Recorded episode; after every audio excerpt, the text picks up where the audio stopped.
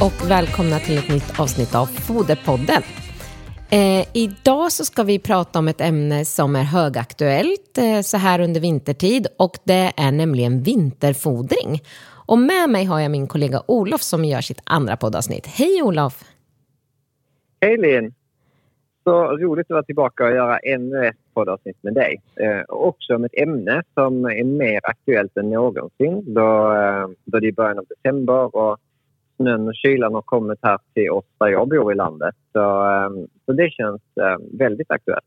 Ja men det är kul och ja verkligen när jag åkte hit i morse nu så var det 12 minusgrader och eh, det gnistrade och glimmade så att eh, det är verkligen ett ämne som är aktuellt. Och vi får ju också väldigt mycket foderfrågor eh, gällande kring bland annat då om hästens foderstat behöver förändras när det blir kallare och om man behöver öka fodergivan någonting. Vad säger du om det Olof? Ja, alltså om man följer utgångsrekommendationer för häst från SLU som vi till stor del gör i vår rådgivning då är det sällan som större justeringar behöver göras om man inte till exempel bor i Norrland och har minus 25 grader under en, en lång period, alltså över flera månader.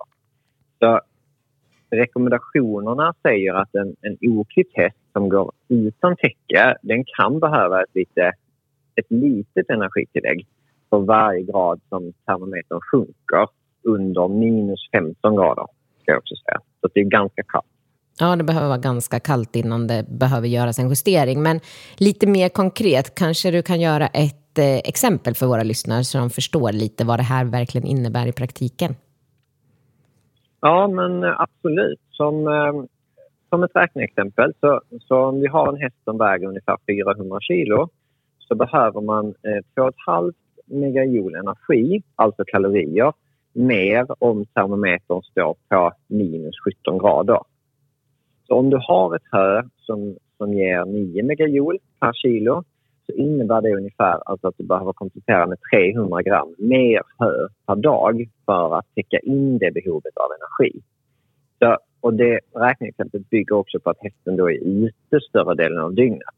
Mm. Och här kanske man ska tillägga att det är många hästar som inte går ute större delen av dygnet och eh, står mer uppstallade. Och även om det kan bli kallt i ett stall så blir det ju sällan ner till så pass kallt som minus 15 grader då man gör det här tillägget. Och även om man då har hästar ute så är det först vid minus 15 grader och om hästen är oklippt utan täcke som man behöver göra tillägg. Och 300 gram alltså för en 400 kilos häst, det är inte så speciellt mycket egentligen som man behöver fodra extra.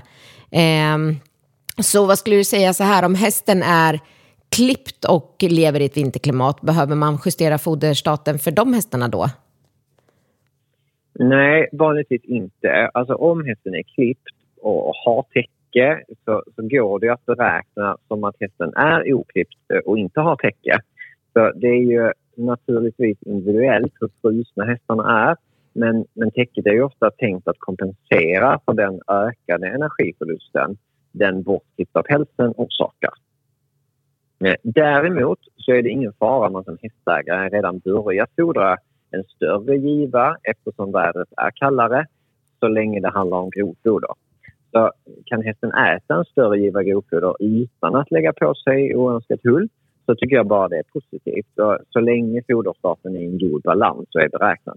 Mm, och här tänker jag, det är bra att du förtydligar det, för jag tycker ofta eh, när vi räknar en foderstat så brukar jag skriva 11,5 kilo grovfoder minimum. Och, och, trots det så kan jag ofta få frågan tillbaka att ah, men går det bra att ge mer grovfoder? Och här är det ju precis som du säger att så länge hästen kan äta mer utan att den går upp i vikt så är det ju aldrig liksom dåligt att inte begränsa givan, utan det är ju någonting som vi behöver göra när vi kommer till de här lättfödda hästarna. Eh, och det är där vi då behöver begränsa grovfodergivan. Eh, för om de hästarna eh, skulle gå på fri tillgång så skulle de tenderar till att gå upp alldeles för mycket. Och jag skulle säga att även under vintertid eh, så kommer de här hästarna att lägga på sig hull även om eh, de inte till exempel har täcke på sig. Eh, så att eh, jag tycker att det är väldigt viktigt att vi kompenserar eh, för eh, om hästen är eh, ute utan utan täcke och det är kallt naturligtvis. Har man en häst som eh, eh, inte går upp i vikt så är det ju inga problem att fodra mer grovfoder. Eh, men sen ska vi också komma ihåg att eh, ibland kan det vara lite svårt att, att mm, upptäcka skillnader i hästens hull när den inte är klippt. Det, det kan vara så att pälsen lite grann täcker upp för om hästen är i överhull eller underhull. Eh, och eh, då kan det också vara så att man eh, när man beräknar foderstaten får se till att lite, alltså verkligen se till att hullbedöma hästen ofta för att stämma av så att hullet verkligen är där man tror. För det kanske inte riktigt, man ser inte vid första anblicken hur hästens hull är. Nej men exakt så är det och vi kan ju passa på att tipsa om eh, ett annat av våra avsnitt av Foderpodden där vi eh, djupdyker i just ämnet hullbedömning och hur man ska gå tillväga för att göra en hullbedömning korrekt. Så att om man är osäker lite kring det så får man jättegärna gå in och lyssna på det avsnittet. Och eh, jag ska också passa på att säga att vi foderrådgivare på Sankt Hippolyt vi hjälper gärna till med, med just att göra hullbedömning och ha våra kostnadsfria rådgivningsbesök där där det också finns möjlighet att kunna få en extra avstämning på hästens hull, även i, i vinterklimat. Så om man är intresserad av det så är det bara att kontakta oss så bokar vi in besök. Mm. Och någonting jag tycker är viktigt att tänka på det är att vi gärna hullbedömer torra hästar, för när hästarna är alldeles blöta i pälsen kan det vara lite svårt, tycker jag, att känna hullet. Ja, Ehm, bra input. Ja, det har jag varit med om många gånger här nu på eh, senhösten, att det har varit väldigt blöta hästar. Men eh, sen en annan fråga som jag ofta får, det är eh, om hästen får i sig tillräckligt med grovfoder eh, så att de också täcker tuggbehovet nu under vintertiden. För det är ju så att eh, när vi får snö så kommer ju hästarna inte ha möjlighet att, att beta gräs längre, naturligtvis. Och på det sättet eh, täcka sitt eh, naturliga eh, tuggbehov och även sitt naturliga födosöksbeteende. Och vad kan man tänka på här, Olof, för att se till att hästen får i sig tillräckligt med grovfoder? Om man nu måste begränsa grovfodergivaren, så att säga. Ja, precis som du säger Linn så är det ju en vanlig fråga jag också får under vintersäsongen. Och, och våra hästars matbältning den är ju anpassad efter en konstant tillförsel av bete eller grovfoder, vill säga. Och eh, uppehåll av grovfoderintag som är, som är längre än fyra timmar det är inte något att rekommendera då det också då finns en större risk för foderrelaterade sjukdomar som eh, ett flertalet olika forskningsrapporter visar. Och eftersom hästarna under vintertid inte alltid har möjlighet att konsumera gräs i samma utsträckning som under andra delar av året så, så behöver ju vi som hästägare då också anpassa våra utfyllnadsrutiner till detta. Mm. Vad kan vi ge för några mer konkreta tips för att kunna tillgodose hästarnas tuggtid, skulle du säga? Ja, då vill jag ju tipsa om... Alltså ett alternativ är ju att komplettera med halm under eh, utevistelsen för att hästarna då har möjlighet att tillgodose sitt tuggbehov i en större utsträckning. Sen så självklart rekommenderar jag också att, att man kompletterar med grovfoder under utevistelsen. Men, men utöver grovfodret så är ju halm ett, jättebra komplement. Det är ju en stor andel fibrer och eh, ett annat alternativ utöver de här ovanstående som jag pratat om så är ju också att man kan lägga ut grenar eller något annat ätbart i hästarna i hagen för att just tillgodose tuggbehovet. Och om hästarna inte får sitt tuggbehov tillgodosett så är det ju inte ovanligt att de börjar äta på staket och staketstolpar eller träd i hagen för att de inte har gräs att konsumera. Jag, jag tycker det är ganska vanligt att man ser det, tyvärr. Mm. Och det är ju ett, ett tecken på att hästarna inte får tillräckligt med tuggtid. Så bra tips att, att lägga ut halm till hästarna, eh, grovfoder såklart eh, och eh, även eventuella grenar och sly som hästen kan eh, sysselsätta sig med. Eh, och eh, jag tänker också att eh, de tips som du har rekommenderat Olof är ju i första hand till hästar som inte går på lösdrift eller grupphästhållning. Jag tänker att det kanske är mer hästar som man har inne på nätterna och sen släpper ut. Eh, men eh, jag tänker i typ lösdrift då så är det ju många som har tillgång till halm eller kanske till och med fri tillgång på grovfoder. eh, till exempel ute i lösdriften. Precis. Och, eh, något som jag också tycker är viktigt att tipsa om då vi är inne på olika typer av tips för att underlätta för hästägarna det är ju om eh, att inte fodra grovfoder eller halm direkt på marken i hagarna. För, för, om man gör det då är det ju alltid en större risk att hästarna får i sig bakterier via jord eller sand vilket eh, då också kan leda till någon typ av feljäsning eller i, i värsta fall kolik. Så, så här kan vi också faktiskt använda sin fantasi och själv bygga lämpliga utfodringslådor eller eh, liknande så att vi minskar just risken för att hästarna konsumerar från marken. Och samtidigt så, så blir det också att vi minimerar foderspill. Och, eh, så det är en ekonomisk aspekt i detta också. Och, och om vi fodrar direkt på marken så är det ofta så att hästarna trampar ner en del av fodergivan. Så, så det är ju inte ekonomiskt. Nej. Och här finns det också ett tidigare avsnitt om just fodring i leriga hagar som, eh, som man har gjort eller som vi har gjort på Foderpodden. Så där kan man också gå in och lyssna lite mer om man vill grotta ner sig i det ämnet. Mm, absolut, det var väl vi spelade in där vid eh, en säsong då det var väldigt mycket leriga hagar. Eh, så det kan man gå in och lyssna på. Eh, du kom in på det här med feljäsning och risk för kolik, men det finns ju faktiskt en annan sak som också är väldigt viktig ur den här aspekten och det är ju hästens vattenintag. Och det är någonting som vi också får frågor kring när vi pratar just om vinterfodringen och i vinterklimat. Eh, och vi vet ju att det är viktigt att hästarna har tillgång till friskt vatten och att de har ett stort behov av vatten. Eh, det är ju hästens allra viktigaste fodermedel, det som den tar, in, intar i störst mängd. Eh, men det är ändå väldigt vanligt att hästarna inte får i sig tillräcklig mängd vatten under vintern. Eh, särskilt, skulle jag säga, när man fodrar hästarna med grovfoder i hagen. Och ofta är det så ganska torrt foder som gör att hästen inte får i sig vätska via fodret som den får, till exempel om den äter gräs. Och sen kan den inte dricka. Och eh, om det då är så att hästen inte kan dricka så är det risk att den drabbas av kolik till följd av en förstoppning. Då. Eh, och det här är någonting som många hästägare hör av sig till eh, oss om, att de har hästar som eh, har drabbats av eh, kolik och förstoppning. Ja, och, och hästar som drabbas av, av just kolik, de, de slutar ju ofta äta och kommer man till sin häst i stallet och den inte har ätit upp den fodermängd så, eh, som den normalt äter så, så bör man ju vara uppmärksam på att hästen verkligen inte mår som den brukar. Och, och detsamma gäller om hästen eh, har bajsat som, eh, som den brukar eller om den visar att den har ont genom att eh, krafsa med hovarna och, och liknande. Så att, att de tänker på de här små symptomen också. Och, eh, och det menar jag liksom att hästen inte har bajsat. Jag sa tvärtom tidigare. Men eh, det är ju ett vanligt tecken också på att de har någon typ av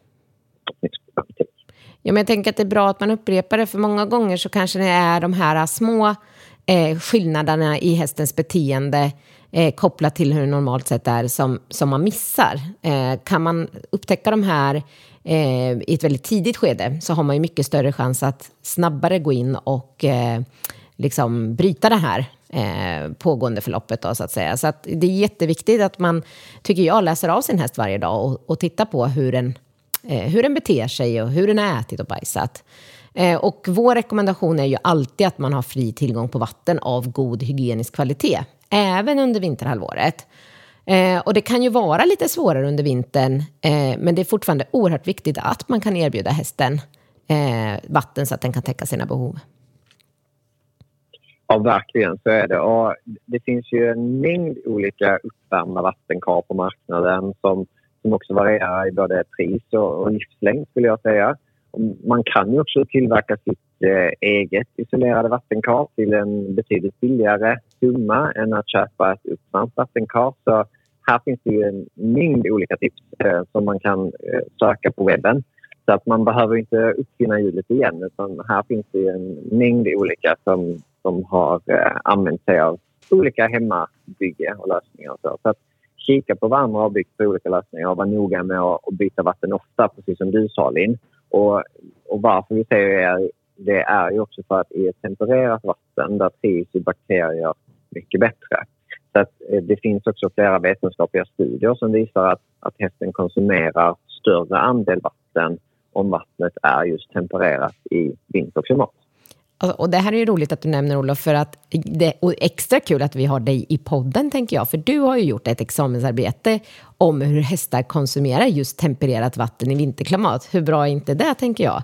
Så att, kan inte du berätta lite grann vad ni kom fram till i den här studien som gjordes då på eh, din studietid på SLU? Ja, men det, det gör jag gärna. Och, eh, försöket som vi gjorde var en så kallad pilotstudie till en större studie som gjordes senare av den som var vår handledare, Sara Nyman, som är eh, veterinärmedicindoktor och då jobbade på SLU såklart. Och vår studie den var upplagd som ett eh, så kallat change-over-försök där, där vi undersökte om, om vattentemperaturen påverkade hästarnas konsumtion av vatten i just vinterklimat. Så i den här studien som vi gjorde då ingick det sex hästar som, eh, som gjorde arbete i lätt arbete. Och eh, det var skolhästar på, ehm, på Flyinge vid, vid detta tillfället. Så vattenintaget det, det mätte vi då fyra gånger per dag och, och hästarna hade i varje box två olika vattenhinkar att välja mellan. Så en hink med tempererat vatten och en hink med kallt vatten.